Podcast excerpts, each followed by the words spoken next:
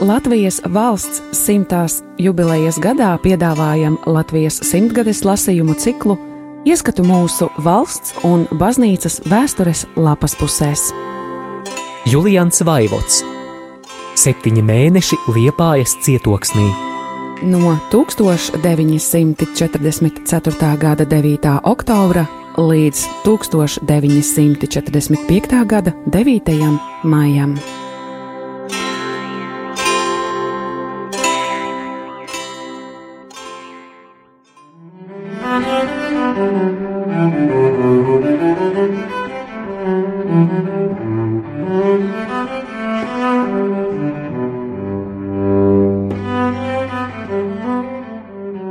1945. gada 23. februārī.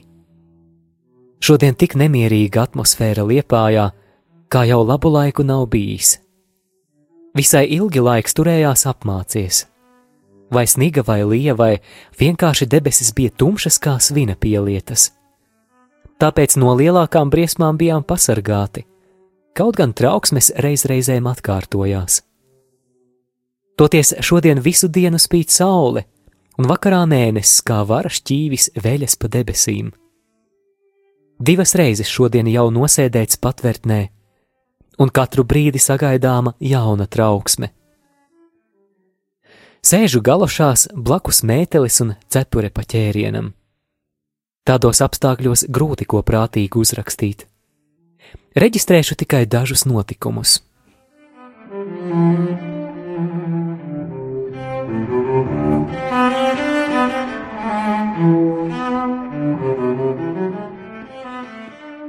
Par Krimas, pareizāk Jaltas konferenci jau 13. februārī ziņoja no Berlīnes sekojošo. Tagad publicēts kāds Reitera paziņojums par Rūzvelta un Čērčila apciemojumu pie Staļina. Paziņojums sastāv no vairākām daļām un nodarbojas pirmkārt ar vispārējiem paziņojumiem par pret Vāciju vērstām militārām operācijām, un otrkārt satur rindu politisku piezīmju. Pieteikto un konferencē iecerēto lielo deklarāciju vācu tautai līdz šim publicētie paziņojumi nesatur. Liekas, ka trīs kara noziedznieki vēl nav varējuši vienoties par vācu tautai priekšā ceļamo maldu frāžu formulējumu. Konference, kā Reiters ziņo, ilgusi astoņas dienas. Tēvija numur 38, 14. februāris. Te vēl jāpiezīmē, ka no vācu puses arī līdz šai dienai ne par kādu deklarāciju vēl nav ziņots. Vācu presē vēl tika uzsvērts, ka par Baltijas valstu likteni Jaltas konferencē nekas nesot lemts, un no tā vajagot secināt, ka tās esot atzītas par padomju Krievijas sastāvdaļu. Varbūt, ka tas tā arī ir, jo 20. februāra tēvijas 43. numura ievadrakstā teikts: Savienoto valstu ārlietu ministrija oficiāli paziņojusi, ka tā vairs neuzskata trīs Baltijas valstis - Latviju, Igauniju un Lietuvu par patstāvīgām valstīm. Un viss. Trim mazām, bet strādīgām un dzīves spējīgām tautām iznests nāves spriedums. Atliek tikai paziņot, kādā veidā liks nomirt.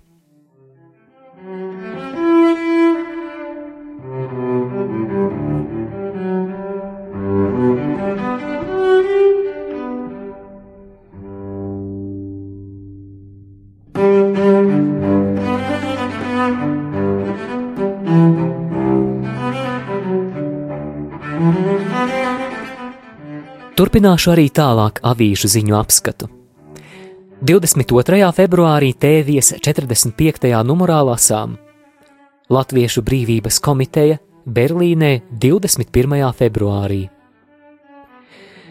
Lielvācijas valdības pilnvarotā un Reichsfīrera SS pārstāvja klātbūtnē Potsdamā notika Latviešu brīvības komitejas dibināšanas sanāksme. Brīvības komitejas dibināšana notika apvienojot Vācijā no bolševisma patvērumu meklējošo Latvijas iedzīvotāju daļu. Šī apvienošana norisinājās pēc latviešu iniciatīvas. Brīvības komiteja ievēlēja latviešu SS leģiona ģenerālinspektoru, SS grupenfīreru un ieroču SS ģenerālleitnantu Bangerski par brīvības komitejas prezidentu. SS grupenfīrers Bangerskis iespaidīgā uzrunā, norādot uz lielajām dzīvības briesmām, kādās pašreiz bolševisma apdraudējumā atrodas latviešu tauta, apliecināja latviešu tautas gatavību bezkompromisa cīņai un visu spēku iekļaušanai pret bolševismu. Lielvācijas valdības sveicienus Latviešu brīvības komitejai nodeva Austrumzemes ministrijas ministrāla diriģents Cimermanis. SS grupenfīrers un ieroču SS ģenerālleitnants Jirs paziņoja Latviešu brīvības komitejas prezidentam viņa iecelšanu reizē arī par latviešu civilās pārvaldes šefu kurzemē. Es no savas puses varu tikai pierakstīt klāt sik, kas latīniski laicīgā valodā nozīmē to pašu, ko garīgā āmen.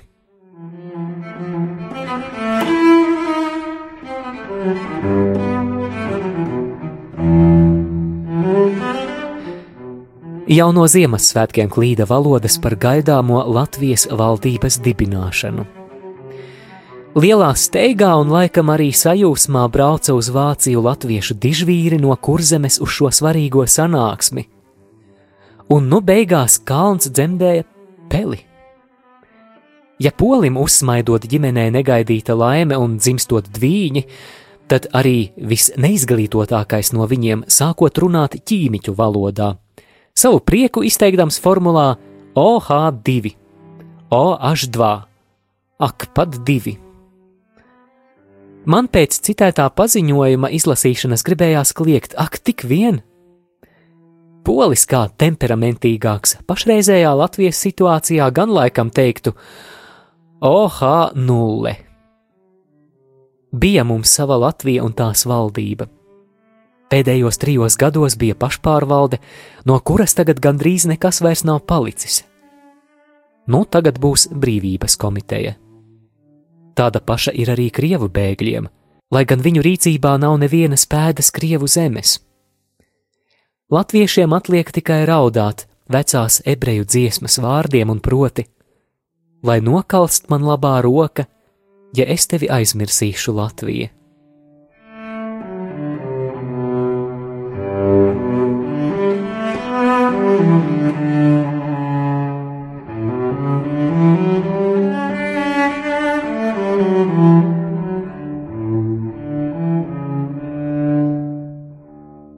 1945. gada 24. februārī. Vakar varēja domāt, ka valsts svētki bija krievus padarījuši tik nemierīgus, jo pavakarē jau trešo reizi mūs iedzina patvērtnē un labu laiku noturēja. Bija lampas uzkāruši pāri ezeram, un šodien dzird, ka esot bombardējuši aerodromu bet arī šodien, kad viņiem pēc tik lieliem svētkiem kā sarkanās armijas diena vajadzēja būt vēl lielākām paģirām, tomēr neliek mūs mierā. Viens uzlidojums pēcpusdienā jau bija, un uz sauszemes pāri ezeram no paša rīta bīdelē kā dzirnavās. Kas frontē pats nav bijis, tam grūti iedomāties, kas vispār tādās reizēs notiek abās karojošajās pusēs, kad vairs nevar izšķirt atsevišķus šāvienus, bet tikai dzird kā ūdens mutuļošanu vārošā katlā. Vairākas dienas no vietas vācieši ziņo par Krievu lielu ofensīvu dienvidaustrumos no Liepājas, un sašauto tanku skaits jau sasniedzis simtus. Tāpēc sevišķi sīvām jābūt atvaires cīņām, kā apmēram 25 km, kas mūs šķir no frontes, Krievi nevar pārvarēt. Vai nav savādi, ka kurzemē, neskatoties uz pastāvīgām cīņām, fronte stāv uz vietas, bet pārējā austrumu fronte pārvietojusies simtiem kilometru Vācijas virzienā?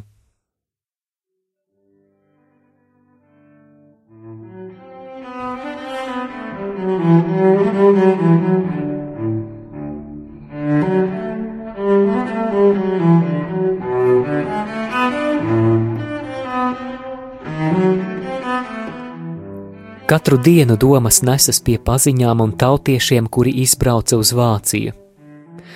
Agrāk vismaz vēstules no viņiem nāca, bet tagad jau vairākas nedēļas nevienas. Tikai kā par brīnumu šīs dienās kāds kareivis atgriezies no atvaļinājuma, atnesa man pirmo vēstuli pēc četriem biskupa prombūtnes mēnešiem. Ne viņa man rakstītās vēstules, nedz manas viņam līdz šim savu ceļa mērķi nebija sasniegušas.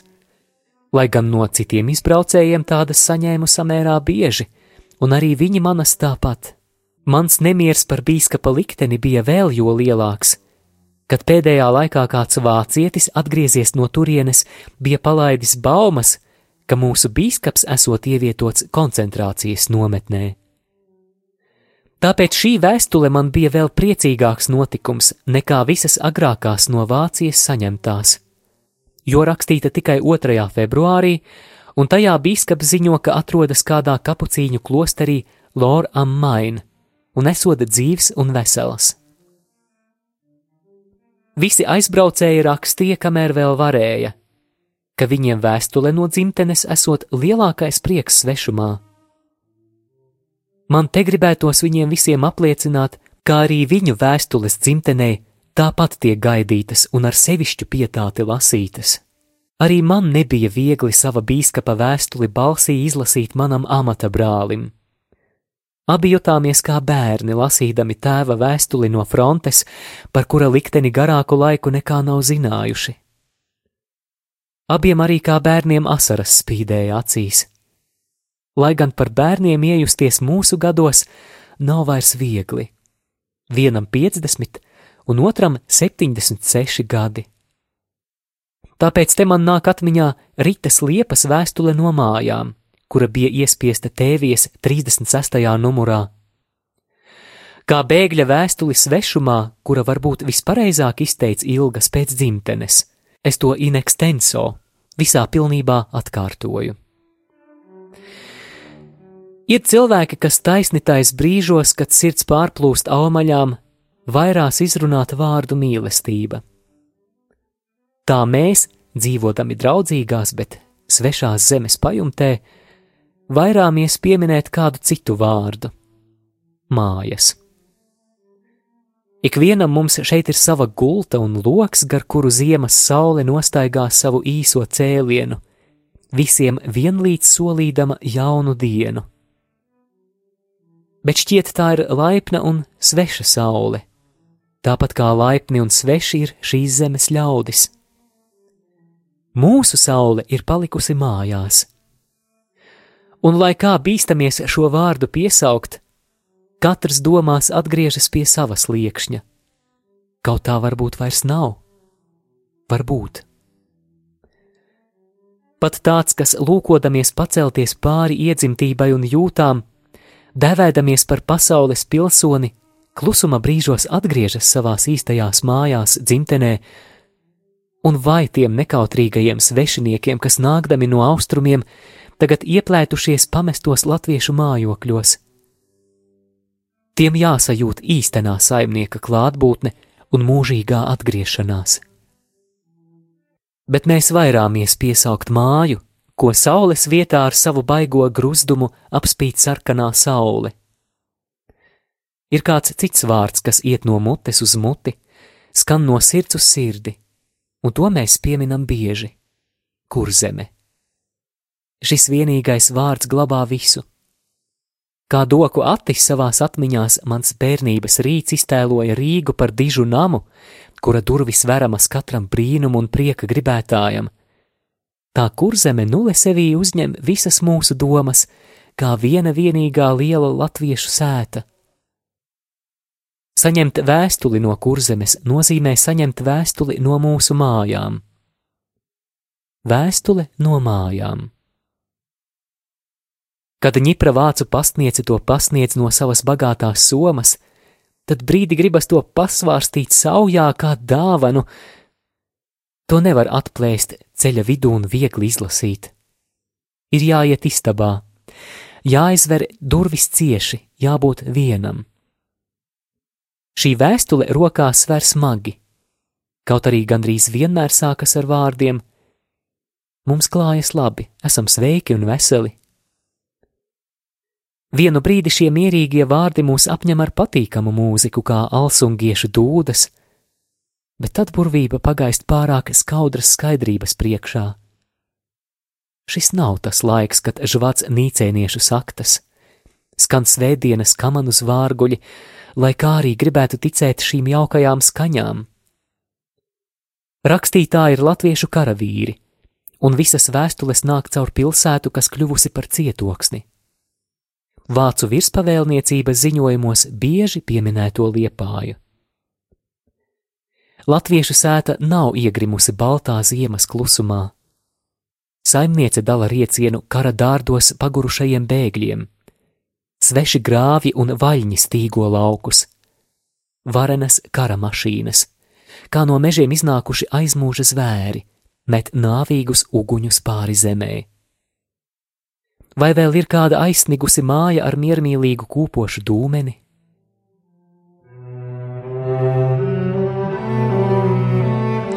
Jā, dūmi, uguns un iznīcība.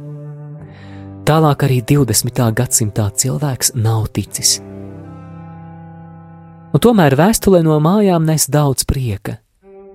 Tik daudz, ka šejienieši tverdamies pagrabos no ienaidnieka lidmašīnu bumbām, par glābjamu dārgumu kopā ar latviešu grāmatu ņem līdzi arī vēstuli no kurzemes, vēstuli no mājām, vēstuli no mīļa cilvēka un mums ir tikai viena vēlēšanās - rakstiet biežāk, rakstiet vairāk, rakstiet arī par savu grūtumu, ļaujiet mums dzīvot ar jums. Reiz tomēr pienāks arī tā vēstule, kas varēs teikt: atgriezieties! Berlīnē, janvārī, Rita Liepa.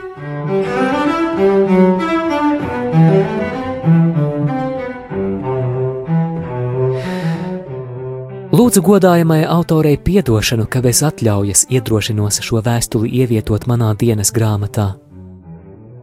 Daru to ne tāpēc, ka gribētu nodarboties ar literārisku zādzību un pušķoties ar svešiem ziediem, lai gan šī sevišķi skaisti uzrakstītā vēstule būs tiešām kā roze starp manu rakstu ērkšķiem. Es savā dienas grāmatā atzīmēju visu, kas mūsu pašreizējos apstākļos atzīmēšanas vērts un šī vēstule tiešām tā vērta. Ir man vēl arī cita doma, un proti, varbūt manas piezīmes ilgāk uzglabāsies nekā jūsu godājamā rakstniece rokraksts redakcijā un tēvijas numurs, kurā vēstule iespiesta, un pēc daudz, daudz gadiem kāds to lasīdams varēs iedziļināties mūsu tautas pārdzīvojumos šī visbriesmīgākajā karā, kādu cilvēce jebkad piedzīvojusi.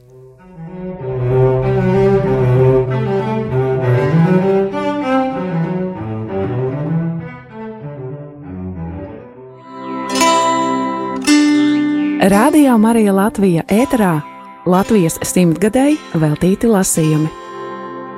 Julians Vaivots Septiņi mēneši Liepājas cietoksnī.